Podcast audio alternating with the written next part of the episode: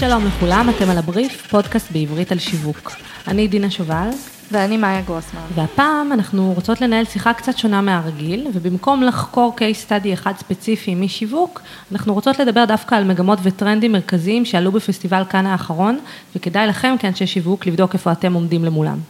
אז פסטיבל כאן הוא כוכב הצפון, בכל מה שקשור לחדשנות וקריאטיביות. וכדי שנוכל לספוג מכל הטוב הזה, הגיע אלינו היום אור זינגר ממשרד הפרסום יהושע, והוא ישתף אותנו קצת בתובנות וקייסים מרכזיים מה, מהפסטיבל. אה, היי אור, מה נשמע? היי, בוקר טוב, שלום, שלום. שלום. כיף שהגעת. אה, טוב, אנחנו לא יכולים להתחיל בלי כמה מילים על פסטיבל כאן בעצם, לוודא שכולם יודעים על מה אנחנו מדברים, אז בוא ספר לנו קצת. טוב, אז למי שלא מכיר את פסטיבל כאן, זה פסטיבל הקריאיטיביות אה, הכי גדול בעולם. הוא בעיקר מתמקד בפרסום ושיווק. שנים האחרונות הוא קצת אה, סטה אה, לכיוונים שונים, גם על זה נדבר. ובעצם יש, הפסטיבל די מחולק לשני חלקים. יש את החלקים של ההרצאות, של הטוקס, פאנלים והרצאות של אנשי מפתח, גם בשיווק, גם בפרסום, גם כל מיני סלבס למיניהם, גם אנשי טכנולוגיה. והחלק של הפרסים, Cannes Lions, אה, שבעצם אה, מחלקים פרסים על השנה החולפת בכל מה שקשור אה, לפרסום, לשיווק ולחדשנות יצירתית. אוקיי, okay, אז עכשיו שאנחנו מדברים על פסטיבל קריאייטיב, אבל יושב מולנו איש אסטרטגיה. כן, אכן. אני אסטרטג, כמו שאמרת, במשרד הפרסום יהושע, TBWA. בסופו של דבר, הדרך אולי הכי נכונה לפי דעתי, עוד פעם, אני מהמקום שלי מדבר, אבל דרך אה, הכי טובה לבדוק אה, פסטיבל כאן זה דווקא מהכיוון של אה, מגמות וזה דווקא מכיוון של אסטרטגיה, מכיוון של לקחת צעד אחד אחורה, לא לראות רעיון או טרנד מסוים ולהגיד אוי זה נחמד, אוי זה טוב, אלא באמת לקחת צעד אחד אחורה ולבדוק באמת מה, מה עשו שם, מה ניסו לעשות שם, להוציא מגמות ונקודות ודברים כמובן שיכולים לעזור לנו ולכן, כאנשי שיווק. אה, באמת מה אפשר, ולחשוב מה, מה באמת אפשר לעשות. זאת אומרת, פחות להסתכל על התוצר הסופי, על הפרסומת עצמה, ויותר על הקרביים, מה הניע אותה, אה, איך הייתה חשיבה אסטרטגית. לזהות מכנה משותף בין כל מיני דברים שקורים. בדיוק, ו... בדיוק. אה, אז באמת, אפרופו אה, מגמות, אחד הנושאים המרתקים שראינו שעלו השנה מתוך המחקר שמקינזי הציגו שם, זה הקשר בין קריאטיביות וחדשנות לתוצאות עסקיות טובות, אפרופו מגמות. אז אה, נשמח אם תוכל ככה לחלוק איתנו את התובנות המרכזיות של המחקר, ותעזור לכולנו להבין איך המסקנות שלו אמורות באמת להשפיע על מנהלי שיווק. אז קודם כל, אם המחקר הזה לא היה פותח את הכנס, את, ה, את הפסטיבל, כאן ככל נראה לא, לא הייתי כאן, וגם הפסטיבל הזה, כאילו, בסופו של דבר גם היה נגנז. אה, כי בעצם מקינזי הציגו איזשהו מחקר שהם עשו, מחקר ארוך טווח, שהם בדקו את כל הזוכים, את כל החברות הזוכות משנת 2000 אה, ועד אה, לימינו, והם בעצם רצו לבדוק האם לקריאיטיביות יש בסופו של דבר תוצאה גם בביצועים עסקיים. או במילים שאנחנו רגילים לשמוע, אתן רגילות לשמוע מנכ"ל, האם שיווק קריאיטיבי הוא בסופו של דבר השקעה או שהוא בזבוז של כסף? התשובה היא כמובן השקעה. כן, השקעה, ברור, ברור. אה, אז הם בדקו מספר זכיות לאורך שנים, אה, ואת ההשתתפות של אותן אה, חברות ותאגידים לאורך זמן ובקטגוריות שונות, ובסופו של דבר, כמה מפתיע, הם באמת מצאו שיש קורלציה בין שיווק קריאיטיבי לבין ביצועים פיננסיים של החברה. הם גם בדקו את הקשר למספר הזכיות, נכון? זאת אומרת, כן. כמה, זאת אומרת, מה שנקרא, מינפו גם את הנושא של באמת, האם חשוב לזכות בפסטיבל כאן אה, על קריאטיביות כזו או אחרת, כדי להראות שבאמת זה משהו שמחזיק מים אה, באימפקט על תוצאות עסקיות. כן, כי בסופו של דבר כאן הוא אמנם איזשהו פרס על העבודה הקשה, אבל אה, כאן גם איפשהו כן מוכיח שכן עשית את העבודה הקריאטיבית הזאת בשיווק וכן הבאת חדשנות לקטגוריה. אה, וזה חלק אה, ממה שהם בדקו. אבל השאלה שאני שואלת היא לא האם, אה, זאת אומרת, היא, אולי בדרך כלל חברות שזוכות באופן טבעי וגם אלה שמגישות הרבה פעמים מעמדות, אלה החברות הגדולות, שמלכתחילה, אתה יודע, הן הרבה פעמים גם בטופ של 500 החברות המובילות, וזאת אומרת, מלכתחילה אלה שאתה בודק, הם אלה שיש להם תוצאות עסקיות טובות, הם אלה שיש להם פנאי לעשות את הדברים הגדולים, יש להם פריבילגיה לעשות את הדברים הגדולים, ובסוף גם לזכות בתחרות הזאת. מסכים לגמרי. אבל יחד עם זאת, יש גם עוד חברות מאוד מאוד קטנות, שכל שנה אנחנו רואים אותן בעקביות בפסטיבל כאן. אתה יכול לתת לנו דוגמאות לכמה כאלה? כן. בדרך כלל אנחנו זוכרים בפסטיבל קאן חברות כמו פרוקטר וכמו יוניליבר, תאגידי ענק, אבל בסופו של דבר יש גם חברות הרבה יותר קטנות שעושות מהלכים מאוד מאוד יפים. אני לדוגמה מאוד מאוד אוהב את בירה אנדס, זה איזשהו, איזשהו מותג בירה, אמנם הוא שייך להייניקן העולמית, mm-hmm. אבל בסופו של דבר זה לא מותג בינלאומי, זה מותג מאוד מאוד מקומי בברזיל, הוא גם נמצא בארגנטינה, וזה איזשהו מותג שבאופן קבוע כל שנה מביא בזכות משרד הפרסום שלו וגם בזכות מנהלי השיווק שלו, אריות בכל הצבעים. אני חושבת שעוד טרנד שראינו השנה בפסטיבל קאן הוא איזושהי חזרה אולי לכיוון של ה basic. אני, אם אני זוכרת נכון, בשנים קודמות ראינו המון רעיונות כאלה מאוד מאוד גדולים, משני עולם, שאפתניים, דברים מאוד inspirational, והשנה איכשהו בלטה מגמה לחזור להתמקד יותר במוצר עצמו, בשירות עצמו. זה משהו ש, שאתה מסכים איתו, ראית, או יש לך איזה שהם מהלכים שאתה מכיר שבאמת שמו את המוצר במרכז ובלטו בפסטיבל? לא הייתי קורא לזה, האמת, חזרה לבייסיק, אבל כל שנה יש מעין איזושהי מגמה אחת, איזושהי תמה מסוימת שפסטיבל כאן מאוד מאוד מתרכז בה. נגיד בשנת 2014 דיברנו על mobile first, זו הייתה שנת ה mobile, 2015 אחר כך היה, זה גם היה קצת ב-2014, שבאמת הנושא של המגדר התפוצץ, כל Like a Girl ו Dove. זה היה באמת השנים שזה התפוצץ, שנה שעברה כולם דיברו על דאטה, דאטה, דאטה, דאטה. רגע, אתן מסוג, אתן נשות הדאטה או הדאטה? איך אתן מתבטאות? תלוי מי אתה מדבר, תלוי אם אתה מדבר בעברית או באנגלית לגמרי. אז דאטה, כן. היבריש לגמרי. אוקיי, אני גם באסכולה הזאת. אז שנה שעברה זו הייתה שנת הדאטה, כולם באמת דיברו על ההתפתחויות השונות, וגוגל זכו ב Grand Prix, שזה כאילו הפרס הגדול של פסטיבל קאן, וזה באמת הפתיע את כולם. השנה, אם אפשר באמת להסתכל על איזושהי מגמה מסוימת, זה על מגמת המחקר ופיתוח. יש הרבה מאוד מוצרים חדשים שיצאו בעקבות חדשנות קריאיטיבית בתוך החברה. וזה לאו דווקא איזשהו משהו שהגיע מתוך איזשהו רעיון, כמו בעבר, פעם היינו רגילים לכל מיני דון דרייפרים כאלה, שיושבים, חושבים על איזשהו משהו, ואז מביאים איזשהו קמפיין מפוצץ. אני חושב שמה שראינו השנה זה גם, גם בתחום השיווק וגם בתחום הפרסום, שאנשי השיווק והפרסום הפכו להיות מעין מייקרים.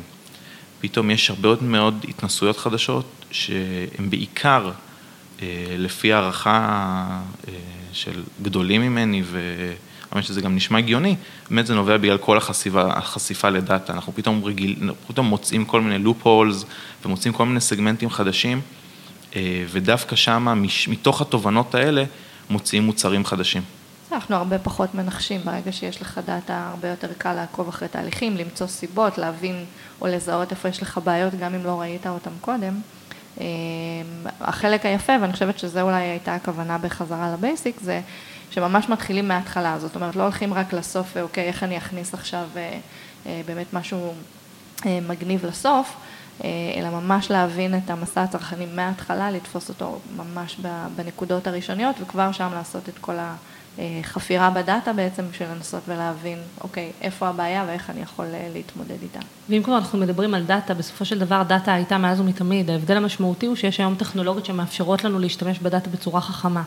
ואני חושבת שאחד הנושאים גם שעלו באופן טבעי בכנס השנה, זה הצורך בבני אנוש עם ההתפתחות הטכנולוגית. ראינו הרבה מהלכים ששמים במרכז את השימוש המסיבי בחדשנות טכנולוגית, כמו בוטים, AI, זאת אומרת, הייתה, היה שימוש בטכנולוגיה לא רק כפלטפורמה שמאפשרת לבצע פעולות, אלא ממש כבסיס רעיוני למהלכים, ויש חיבור מאוד חזק בין דאטה לטכנולוגיה. בואו נדבר על כמה דוגמאות לקמפיינים מהסוג הזה. בעיקרון פסטיבל כאן, עכשיו ממש צוחקים על, על כל הנושא של... של הבוטים ושל כניסת ה-AI וה-Machine Learning לתוך, לתוך פרסום. כי עוד פעם דיברנו וצחקנו על דון דרייפר, אז עכשיו כבר פתאום מדון דרייפר הפרסומאים ואנשי השיווק הופכים להיות די יותר חנונים ויותר מחושבים, בדיוק.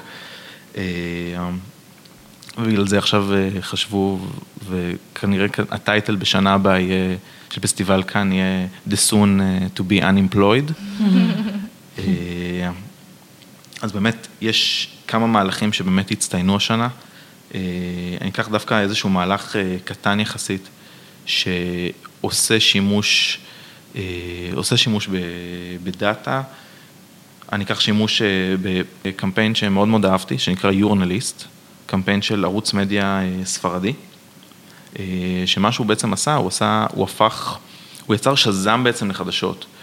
אה, הוא לקח את הטרנד, אולי אחד הטרנדים הכי גדולים השנה, הטרנד של פייק ניוז, והעובדה שאנחנו רואים את זה גם אצלנו בארץ, יש הרבה מאוד עיתונים שמושפעים מבעלי דעה, בעל המאה הוא בעל הדעה, ובעצם יצר איזשהו שזם לחדשות. מה זה אומר שברגע שאתם כרגע עכשיו רואות חדשות בערוץ 2, אתן מפעילות את השזם הזה, דרך IBM של, של ווטסון, של IBM, אה, הוא מציג, אה, הוא מחפש אה, keywords בתוך הכתבה שעכשיו דיברנו עליה, בתוך הכותרת, הוא מחפש אותה ברחבי הרשת, ונותן לנו... ולידציה ש... בעצם, שהדבר קרה או לא קרה? הוא נותן לנו בעצם אפילו יותר מזה, הוא נותן לנו שש כתבות שונות מכל צידי הספקטרום. Mm-hmm. הפוליטי, שש כתבות שונות, ובעצם מציג לנו כביכול את התמונה המלאה, בשביל שאנחנו בסופו של דבר נוכל להחליט. האמת שיש סטארט-אפ ישראלי כזה, שעושה בדיוק את זה, לא על בסיס אה, שז"ם ולא על בסיס אה, voice, אבל זה בעצם פלטפורמה שתמיד מראה את שני הצדדים של המפה הפוליטית, והיא מרכזת גם את ה... מעניין מאוד, אנחנו נשים גם קישור אה, גם לפלטפורמה הישראלית הזאת. כן. וואי, גדול, זה רעיון פשוט מצוין. אה, טוב, למעט אגב מתוך, של... מתוך התפיסה הזאת שכולנו חיים באיזשהו אקו צ'יימבר וחושבים שמה שאנחנו רואים בעולם הסגור של הפיד שלנו, שזו המציאות האמיתית, אז זה בעצם בא להציג איזושהי תמונה הרבה יותר מאוזנת של המציאות האובייקטיבית. אז זה נשמע לי מאוד מאוד דומה ואנחנו אה, מצרפות לכאן אה, את שני הקייסים כדי שתוכלו להכיר אותם.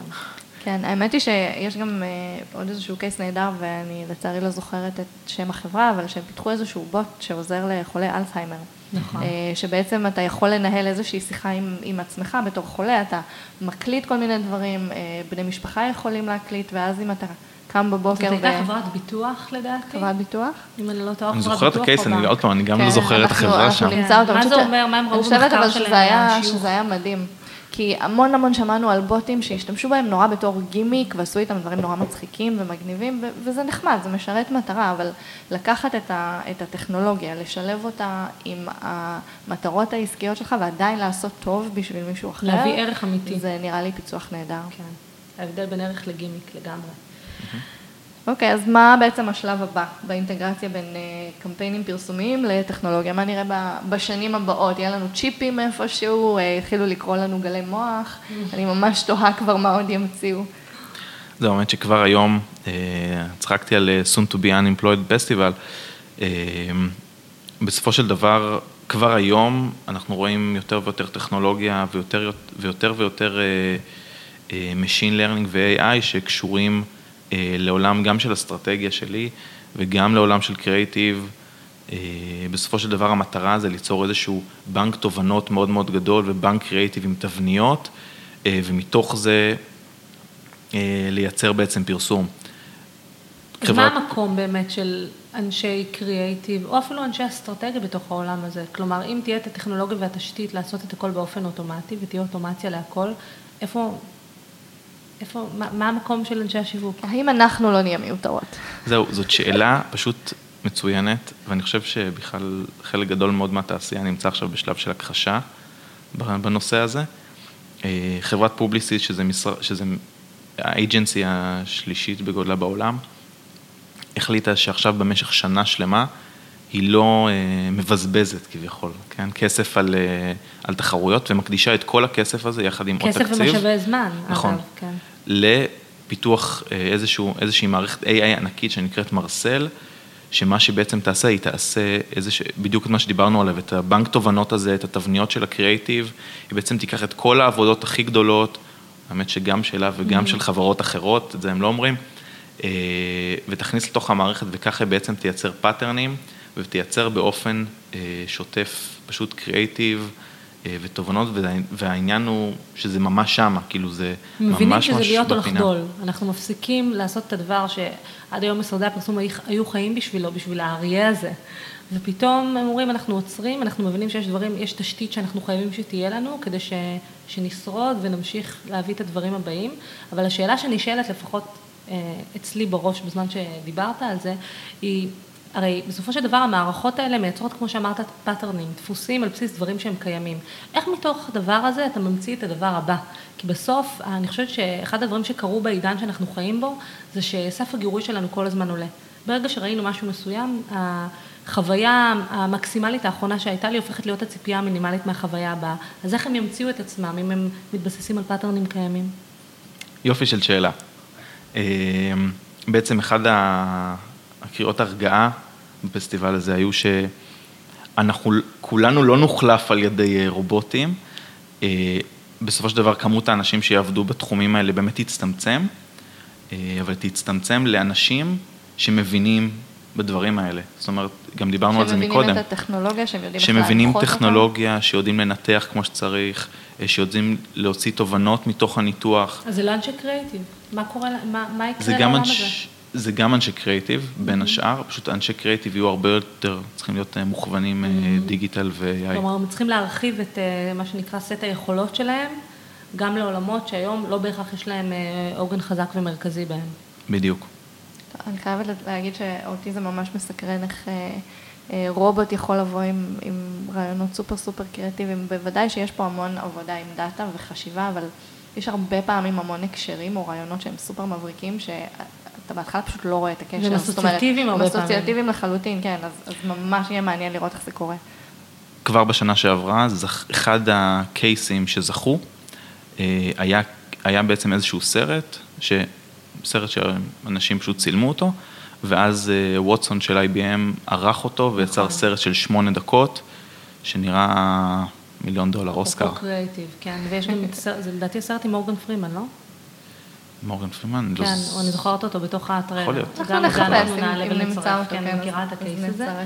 אבל באמת, אפרופו אה, דברים שהם אינספיריישנל וקריאטיביים מאוד, אי אפשר לדבר על אה, העולמות האלה בלי להזכיר כמובן את לגו, שבעיניי אחד המותגים שיותר אה, מעוררים השראה וקיימים היום בעולם, וגם פסטיבל כאן השנה, הם הביאו איתם לבמה שיחה מאוד ערה בנושא של אה, דווקא הסושיאל מדיה, שזה כאילו נראה לנו לפני ארבע שנים, ופתאום הם הביאו את זה שוב אה, למרכז הבמה, והם טענו שבסוף הסושיאל מדיה זאת רק טכנולוגיה. והמעבר, השיפט שצריך לעשות, זה מחברה שהיא בסושיאל מדיה לחברה שהיא, אה, מה שהם קראו סושיאל נייצ'ר, בתרבות שלה. אז מה באמת ההבדל בין שני הדברים האלה, ואיך אה, אה, מותגים צריכים לעשות את השיפט כדי להגיע למדרגה הבאה? לגו זה case study מצוין, כי כשחושבים על לגו, בסופו של דבר, בוא נהיה כנים, מדובר בקובייה עם שש פאות ושמונה נקודות קטנות מפלסטיק, אוקיי? תלוי זה... בגודל של הקובייה. נכון, ש- שקיימת נכון. כבר אה, עשרות אה, שנים. כן. אה, מה שהוא בעצם סיפר, המנהל סושיאל העולמי, הוא עשה באמת הרצאה בכאן על הנושא הזה, ומה שהוא סיפר, זה באמת על אותה חתיכת פלסטיק ואיך יוצרים ממנה משהו. עד שנת 2011 ללגו לא היה בכלל סושיאל, ואז הם, הם באמת הבינו שאם בסופו של דבר היצירה של לגו מאפשרת והקריאטיביות של לגו מאפשרת, אה, אה, תגיע ל social, היא בעצם תמצה את עצמה ובאמת תגיע למטרה שלשמה הם אה, מייצרים אז מוצרים. ה shift, אז מה ה shift בעצם שצריך לעשות? אם חברה היום נמצאת ב social media, איך היא הופכת להיות חברה שהתרבות שלה היא social nature? אני חושב שהדבר הכי נכון שהוא אמר שם, היה שעם כל הכבוד לזה שזה רשת חברתית, social network זה עדיין מבוסס על social needs. אה, והוא לקח, הוא בעצם לקח לנו שני צרכים אה, פסיכולוגיים אה, של בני אדם, הוא דיבר על building together ו-pride of creation. והוא אמר, אנשים הולכים לסושיאל מדיה בשביל לשתף דברים שהם עושים עם אנשים אחרים, וגם דברים שהם עשו בעצמם והם מאוד מאוד גאים על זה. ובעצם כל האסטרטגיית סושיאל של לגו מבוססת על UGC, user generated content, אה, תוכן שאנשים מייצרים בעצמם, אין להם כמעט גאנט קבוע, הוא סיפר את זה ואנשים שם קצת היו בשוק, מה שהם כן עושים, הם פשוט, יש להם איזשהו גאנט נורא נורא עמום ונורא נורא דינמי, והם כל הזמן מעלים תחרויות, והם כל הזמן אה, מעלים, אה, תעלו עכשיו דברים שאתם אה, עושים עם ה... כי כל החברה הזאת, גם המוצר עצמו מבוסס קריאטיביות, בעצם מהקוביות האלה אתה יכול ליצור כל דבר.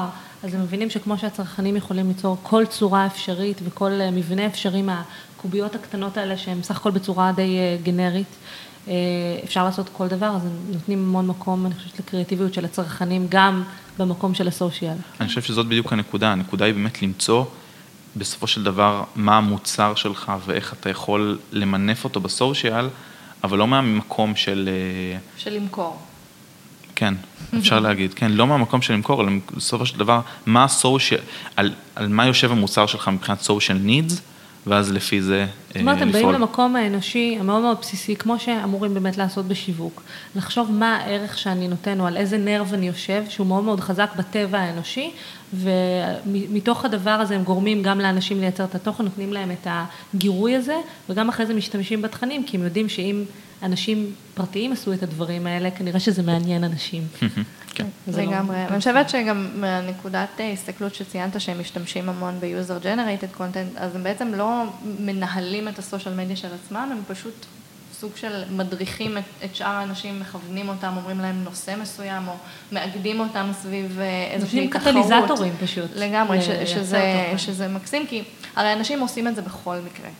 אחרת לגו לא הייתה מצליחה, אחרת זה לא היה מותג שקיים כל כך הרבה שנים, הם פשוט נותנים להם את הפלטפורמה ואת העידוד שהם צריכים כדי לחלוק את זה עם אנשים אחרים, וככה בעצם מייצרים את התוכן של עצמם. שמתי לב שעלה מאוד חזק השנה הנושא של ערבוב של אנשים בתוך תוכן, שזה בדיוק מה שהרגע דיברנו עליו, לחבר אותם, להפוך אותם לחלק מהסיפור, או לאלה שבעצם משלימים אותו. יש לך עוד איזה שהם דוגמאות, איך מותגים גדולים עשו את זה? מותגים שהם לא לגו, אבל. אני אנסה, אני אנסה. טוב, נו, דיברנו על לגו, אני חושב שהמותג, אחד הקריאיטיביים הבאים אחריו זה סניקרס. מותג מדהים. לגמרי. סניקרס זה, זה היה, האמת שזה מהלך יחסית ישן, אבל עכשיו בגלל קאן הוא חזר עוד פעם לתודעה, הוא זכה בכמה אריות מוכספים וזהובים, שנקרא, מהלך שנקרא Hungerithm, Hunger ואלגוריתם. שמה שהם בעצם עשו, הם עשו שיתוף פעולה עם 7-11, ואם אתם זוכרים, האסטרטגיה של, של סניקרס בעצם אומרת, אתה לא אתה כשאתה רעב. היו להם כמה דברים הזויים עם זה. כן, כן, כן, אין ספק. והם בעצם פיתחו איזשהו אלגוריתם, שמבוסס על הטוויטר, שבעצם מציג עד כמה אנשים עצבניים באותו רגע, הם בעצם מודדים את המצב רוח, ואז הם אומרים, אוקיי, אם אתה עצבני, אז אתה בעצם לא אתה, ואז אתה בעצם פשוט חייב לאכול סניקרס. אז הם מדדו את מצבי הרוח של האנשים. הם עשו את זה אגב גם לפני שנתיים דרך הפייסבוק, הם היו ממש בשיתוף פעולה אסטרטגי עם פייסבוק, כדי לזהות, אפרופו את הרגשות של האנשים בהתאם למה שהם כותבים. אז גם טכנולוגיה, לא ידעתי את זה. בינה מלאכותית, Natural Language Process, אז הם עשו את זה גם שם. אז בעצם השיתוף פעולה שלהם, זה, זה, האמת שזה נשמע אפילו פחות או יותר אותו דבר, כי הם פשוט עשו עכשיו איזשהו שיתוף פעולה עם, עם 7-11, כשכל פעם שמדד הכעס עולה בטוויטר, והיה לנו הרבה כעסים השנה, במיוחד לאמריקאים, טראמפ, ואפילו זה היה... לא חסר. כן, כן. וכל פעם בעצם שמדד הכעס עלה, מחיר הסניקרס עלה, ירד. ירד. וזה יצר באז מטורף, אבל זה בדיוק מתקשר למה, ש... למה שדיברנו מקודם, שאנשים הופכים להיות באמת חלק מהסיפור. מדהים, זה גם שילוב ממש ממש יפה בין אונליין לאופליין. Mm-hmm. זאת אומרת, לעשות פעילות שבסופו של דבר גורמת לאנשים להיכנס לחנות ו... ולקנות. אפרופו, אגב, הנושא של כעס, הסיבה שהם בחרו דווקא כעס ועוד כמה סוגים של רגשות, וזה אחד הדברים הכי יפים ברמת ההבנה שלהם את הצרכנים, זה שהם ממש מיפו איזה רגשות עולים בקרב אנשים כשהם רעבים. כלומר, ואז הם בחרו כעס, חוסר סבלנות, חוסר תשומת לב. אחד המהלכים שלהם שאני הכי אוהבת, דווקא לא מהשנה הזאת, לדעתי שלוש שנים אפילו אחורה, הם עשו מהלך שבו כל מי שמקליד בגוגל שואל שאלה עם טייפו, הם אומרים, בן אדם שהוא כועס, בעצם אין לו, הוא לא שם לב למה שהוא עושה, אז הוא מקליד עם שגיאת כתיב. ואחרי זה הוא מקבל מודעה שכותבת לו, זה קשה מאוד להקליד כשאתה רעב, כמובן באנגלית, מלאה בשגיאות כתיב. עכשיו תחשבו איזה דבר שהוא כאילו עושה disruption ומייצר attention בתוך, אה, בתוך הגלישה שלך ומוכוון אליך ומרגיש פרסונלי, אז באמת אה, אני חושבת שזה אחד המותגים שעושים עבודה יותר טובה וכדאי לעקוב אחריהם בתחום הזה. כן, חבל שזה לא פה, אני הייתי אוכלת הרבה סניקרס. את אומרת מזל שזה לא פה. מה היה? אז אם, אם הייתי רגע צריך אה, למצוא מכנה משותף בין הקייסים הכי חזקים שהוצגו השנה, והיו עטורי פרסים, כי אנחנו באמת פה כדי לדבר על מגמות ועל המכנים המשותפים, ולא רק על מהלכים קריאטיביים מדהימים. מה היה המכנה המשותף שלהם? מה אפשר ללמוד? אני חושב שהמכנה המשותף אה, הוא שאם בשנה שעברה, דיברנו על זה, אם בשנה שעברה כולם התלהבו מדאטה וכולם התלהבו מ-AI, השנה זה היה כאילו, זה עבר די שקט. כאילו כולם עדיין דיברו על זה. אבל זה עבר די שקט כי הכל הפך להיות נורא רגיל. זאת אומרת, עברנו מקריאייטיב אה, ומשיווק אה, שהוא קריאייטיבי, אה, לקריאייטיב עם context, משהו שהוא מאוד מאוד ממוקד לצרכן, שהוא נמצא על המסע הצרכני שלו, דברים שהם נורא טכנולוגיים, וזה איזשהו switch מסוים, כי אנשים פשוט התרגלו לזה. יש כמובן גם את הנושא של המגדר. אה, אבל זה כבר אה, מגמה שהיא לאורך שנים, שמדברים על diversity אה, בענף, גם עבור קריאיטיביות. אגב, אנחנו נעשה פה משחק, אחר כך אפשר למכור את הרעיון הזה, כל מה שאני אומר דאטה או קריאיטיביות, מורידים שוט. זה יכול להיות משחק. בהתחשב בעובדה שהשעה 10 בבוקר, אני בספק. אה, בסדר, את יודעת. נשמע את זה אחר כך, זה פודקאסט. לא אמר של מה. כמו שאמרתי, לגבי business as usual, אז לגבי דאטה, אז בסופו של דבר אנחנו כן רואים שכולם מתחילים להטמיע את זה. עם שנה שעברה ושנים קודמות, כולם דיברו על דאטה ו-AI אה, ועל זה שזה מגיע, כולם התלהבו מהקייסים האלה. השנה זה באמת היה מאוד מאוד רגיל, אנשים באמת התחילו, אני חושב שכל המנהלי שיווק ואנשי פרסום התחילו להבין שזה חלק מהעולם שלהם, וזה כבר לא איזשהו משהו מרוחק של אנשי IT, אה, זה לא Buzzword, זאת אומרת, ממש התחילו להטמיע את זה כבר, כן, כן, זה ממש, זה ממש לא Buzzword כבר, וזה כבר שמה. אה, ועוד פעם, זה במקום להתבסס על תובנות אה, נורא נורא אנושיות ותובנות מראש, מראש קודח של איזה פרסומאי, פרסומאי על כזה, פתאום הכל מבוסס דאטה. וזה נראה כאילו בעוד שנתיים שלוש, אם לא יהיה לך קמפיין שמבוסס על הדברים האלה, הוא פשוט לא יגיע לפסטיבל כאן. אז אפרופו אה, הבדלים בין מה שהיה בעבר למה שאנחנו רואים השנה, ושוב ההתבססות המאוד מאוד חזקה על דאטה, והעובדה ששנה שעברה אולי זה היה יותר Buzzword, והשנה אנחנו רואים את זה משהו שהוא באמת יותר סוסטיינבילי ועובדים איתו, אני חושבת שעוד הבדל שאפשר לדבר עליו זה שהקריאיטיב באמת הולך למקומות שמכסים את כל המסע הצרכני, ואפילו מקדימים אותו. כלומר, הדאטה בעצם מאפשרת לנו לדעת הרבה יותר על כל אחת מנקודות הזמן או אה, נקודות במסע הצרכני, ככה שאפשר לתת עליהם גם ערך הרבה יותר נכון ולהסתכל בצורה כוללת על המסע של הלקוח. ובעבר היינו באמת יותר מסתכלים על נקודות הקצה. אז איך זה בא לידי ביטוי בכאן? מה אנחנו יכולים ללמוד מזה? בסופו של דבר, מסע צרכני הוא מבוסס על הבנה של לקוח. אנחנו מבינים את הפרסונה, אנחנו מבינים את האנשים, והמטרה זה בסופו של דבר לחזות איזושהי התנהגות מסוימת. אה, עכשיו, היו הרבה הרבה מאוד קייסים שהתמקדו, אה, גילינו שהלקוח מבקר פה ופה ופה, אז נתנו לו תשובה ומסר מותאם באותם מקומות. דווקא, אני חושב שה case הכי גדול של, אה, של journey שאפשר לחשוב עליו, זה דווקא case שלא, שלא ממש נוגע באותם דברים. זה case של אה, חברה שנקראת Mailchimp, אתם בטח מכירות, זה דיבור, דיבור דיגיטלי לחברות קטנות. אה, זו חברה בינלאומית שהיא באמת, היא סופר מגניבה, היא סופר יצירתית, והם עשו דווקא משהו שונה לגמרי. במקום לפמפם את השם של החברה, הם בעצם יצרו אה, תשע חוויות משתמש שונות של סרטונים, של מוצרים חדשים, שכולם מתחרזים ונשמעים קצת קצת כמו מיילצ'ים. והם פנו בעצם אה, לאוכלוסיות נורא נורא ספציפיות.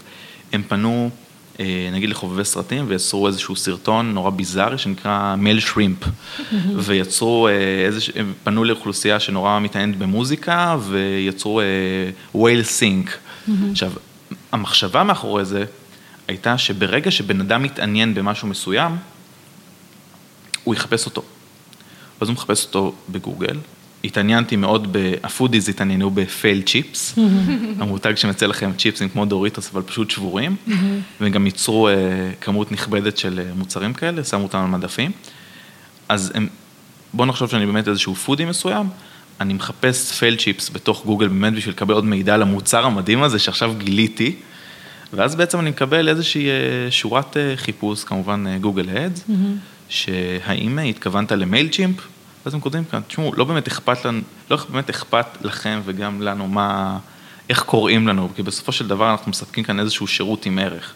וככה מייצרים ערך. אבל השאלה אם הם באמת נתנו ערך, כי הבן אדם באמת היה פודי וחיפש משהו שקשור למזון, ובסוף הוא קיבל פרסומת למיילים, כאילו סוג של חברה לשליחת מיילים. אני אומרת, אז אם אנחנו באמת מדברים על מסע צרכני ומה האינטנט של בן אדם בכל נקודה במסע הזה, האם הם באמת ענו על הצורך? אני חושב שזה באמת החידוש הגדול כאן.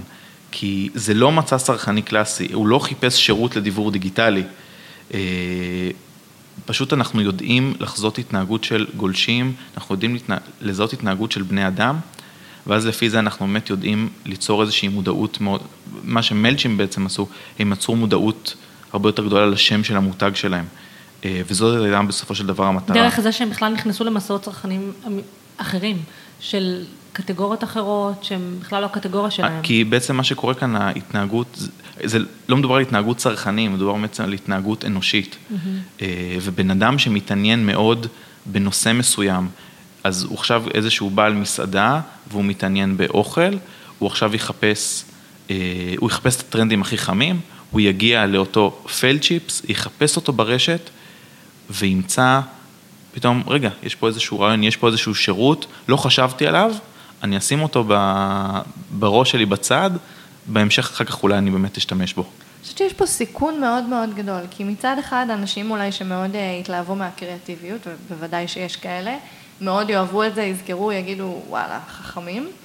ואנשים שבאמת היה מעניין אותם משהו אחר ונפלו על חיפוש שלא קשור, יגידו, אוקיי, למה מנסים למכור לי פה דברים?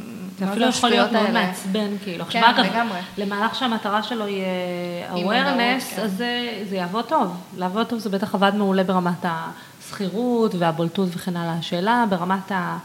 נקרא לזה אהדה, כמה אהדה זה יצר בקרב הנחשפים, זו כבר שאלה רואים. אבל, אבל שוב, זה מאוד מעניין של לפגוש את הלקוח כביכול לפני שהוא בכלל עוד התחיל לחשוב שהוא צריך אה, איזשהו שירות כזה. יכול להיות שאם הם הצליחו לפלח ולטרגט אנשים מאוד ספציפיים, הם תרגטו, אני לא יודעת, מנהלי שיווק, בעלי עסקים, עצמאים, ולא איזה ילד בן 16 רנדומלי, יכול להיות שזה כן היה יכול לשבת באיזשהו מקום רלוונטי. כן, התרגות בסופו של דבר כן היה לבעלי עסקים.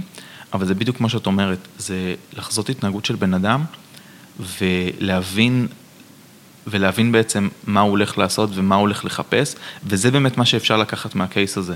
כאילו את הנושא של איך אנחנו, עוד לפני מסע צרכני אידיאלי שאנחנו חושבים, אוקיי, הוא נפגש עם המותג שלי ומכאן והלאה מה קורה, אלא הרבה קודם, איך לגרום לאותו בן אדם להתעניין בכלל או בכלל להיכנס ולהכניס את המותג שלנו לסט שיקולים, לאו דווקא כשהוא מחפש שירות לדיוור דיגיטלי. זאת אומרת, לייצר את האינטנט לפני שהוא קיים.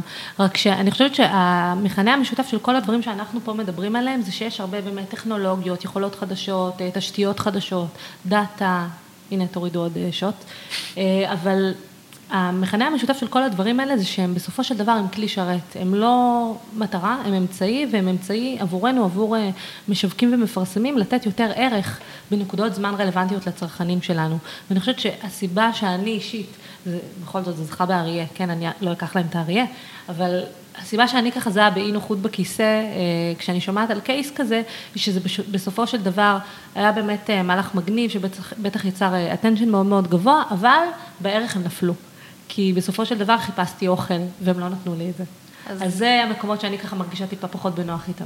זהו, וספציפית אני חייבת לשאול אז אם ככה משהו, כי זה מעלה לי ישר את הקמפיין של דב, אה, ומי שלא מכיר, זה קמפיין שהמשיך את המגמה שלהם של אה, אה, לאהוב את הגוף שלך בתור אישה, כל הנשים יפות כמו שהן, ובמסגרת הקמפיין הם ייצרו כל מיני גרסאות של בקבוקים של הסבון שלהם. והם מדמים סוגי גוף שונים, זאת אומרת ממש היו בקבוקים אה, עגולים ורחבים, גבוהים וצרים וכולי. אה, ועל פניו, שוב, אני ממש אהבתי את הרעיון, זה היה בכל מקום, דיברו על זה, זה היה מקסים. ואז נתקלתי בכמה מקומות שאנשים ממש התלוננו שהם קנו את הבקבוקים, האנשים, והם לא יכלו להשתמש בהם. זה בקבוקים שאפשר היה להחזיק במקלחת, הם החליקו, הם נפלו, היה קשה לשפוך את הסבון. אז אני רוצה לבוא ולשאול, האם זה לגיטימי שהרעיון הקריאטיבי יבוא על חשבון... פה זה היה יותר מרעיון קריאטיבי, אגב, צריך להגיד, יש כן. פה בעצם אג'נדה חברתית שהם עובדים בה, זה יותר מרעיון קריאטיבי. אבל הביצוע עצמו בסופו של דבר כן. היה איזשהו רעיון קריאטיבי, והאם זה הגיוני שהוא בא על חשבון נוחות ופונקציונליות? של המוצר, כן. אמ, אני חושב שזה, בסופו של דבר מדובר בגימיק. בגימיק, וכמו שדינה אמרה, זה מותג שהמטרה שלו זה ליצור איזושהי, אה, איזושהי אג'נדה מסוימת וללכת וליצור ממש מובמנט. אז בקטע הזה הם הצליחו לפי דעתי. אה, בסופו של דבר, אבל גם הם השאירו את, המות... את המוצרים האלה כקונספט, כאילו לא יצאו, זה לא שכל הבקבוקים של דל לא עכשיו התחלפו. כן. בדיוק. אני חושב שמבחינת המהלך זה עשה את שלו, אה, ואם בסופו של דבר אנשים אה, לא הצליחו למצוא, לא הצליחו להשתמש בבקבוק, אה, זה לא כזה נורא, כי זה מתגמד לעומת ה-PR המטורף שזה קיבל. כן, אבל אני חושבת שזה משהו שחייבים לקחת בחשבון. זאת אין אומרת, ספק. זה, זה מדהים לחשוב קריאטיבית, אבל תמיד בסופו של דבר צריך אה, אה, אפילו לעשות QA. כן. ממש שזה לא יבוא על לבדוק חשבון שהכל המוצר. בסדר, כן. כן, בטוח היו כמה מבני גוף שיכלו יותר להתאים.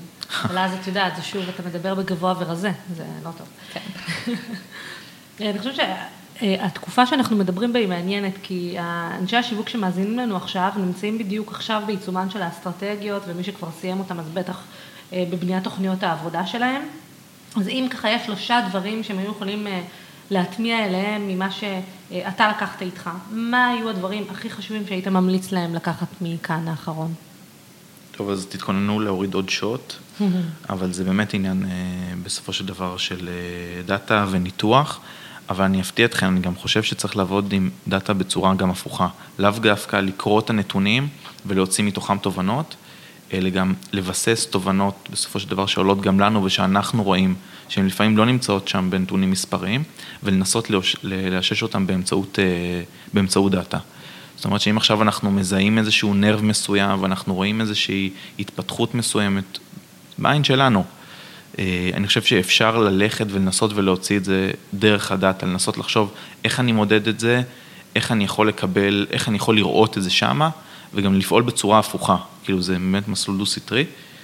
אה, דרך ו- אגב, דרך ממש טובה לעשות את זה, זה ברגע שיש לך איזושהי תובנה כזאת, לדבר עם הלקוחות שלך.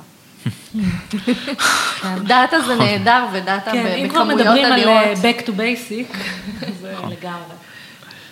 אה, כן, איש אסטרטגיה אף פעם לא אגיד לכם, זה לא טוב לצאת למחקר, תהיו בטוחות. ואפרופו מחקר, אז אה, כן, אחד הדברים שכמו שדיברנו, ראינו בכאן האחרון, זה הנושא של מחקר ופיתוח, שאנשי שיווק היום צריכים להיות הרבה יותר מעורבים, מעורבים במחקר ופיתוח. אה, אני אגיד את זה גם מכיוון של משרד פרסום. משרד פרסום תמיד שמח להיות חלק מהרעיון עוד בשלב הייצור שלו ולתת את האינסייטים שלו. אנחנו תמיד רואים את זה, תמיד כשאנחנו מקבלים את המוצר, פתאום יש לנו כמה פידבקים של רגע, אבל למה זה, אבל למה זה, אבל למה זה, ולפעמים גם אין, אה, אין אה, תשובה.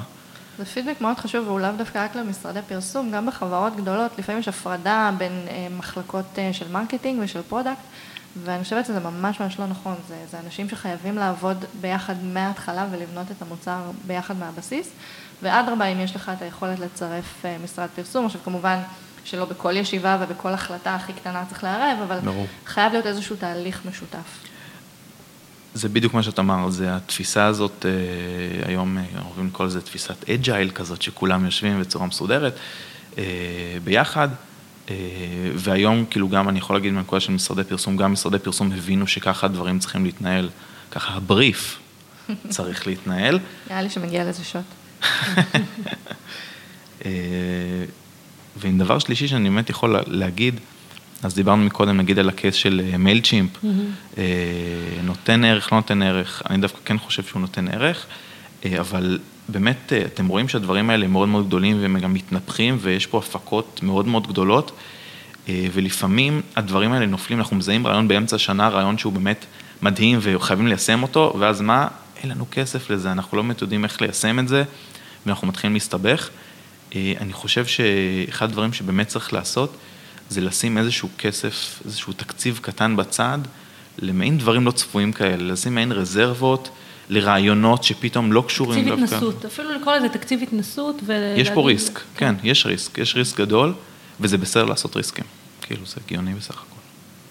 מעולה, אז תשלים לנו בבקשה את המשפט, איש שיווק טוב הוא איש שיווק ש... תראו, זה, נור, זה נורא קל כאילו להגיד שהוא צריך להיות נורא מעודכן ועם יד על הדופק, והוא צריך להיות סקרן ולחקור ודיגיטלי וכאלה וכאלה. אני חושב שבסופו של דבר, גם רואים את זה לפי כאן, בואו נקשר את זה לפוד, איש שיווק טוב צריך להיות עם ביצים. Mm-hmm. כאילו באמת, דיברנו על ריסק מקודם, אה, לקחת רעיונות, עוד פעם, אני אומר את זה מהכיוון של משרד פרסום. אה, אני רואה הרבה מאוד פעמים לקוחות שיש להם באמת, מנהלי שיווק שיש להם אמבישנס מטורפים.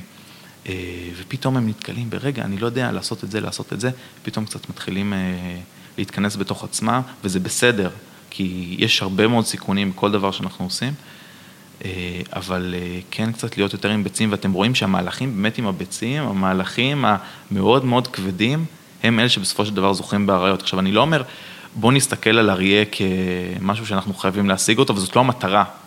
בסופו של דבר, כן? קריאיטיביות, בואו, בסופו של דבר זה אמצעי בדרך למכירות טובות יותר ובדרך להעדפה, זאת המטרה של קריאיטיביות. אבל אה, בשביל להגיע לקריאיטיביות צריך הרבה מאוד ריסק ווובוס. מעולה. אז uh, תודה רבה, אור. היה מאוד מעניין לשמוע קצת על עולם הקריאיטיב, על החדשנות, על כאן, לקבל קצת אוויר של חו"ל, בדיוק לקראת החופש הגדול, שכולנו נוכל ללכת לטייל. ותודה לכם שהקשבתם, מאזינים יקרים. אנחנו מקוות שלמדתם משהו חדש שתוכלו לנסות בקרוב עם המותגים שלכם, וכדי לוודא שלא תפספסו את הפרק הבא, אתם מוזמנים להירשם לעדכונים באתר שלנו, או להירשם ב iTunes, ותקבלו התראה בכל פעם שיוצא פרק חדש.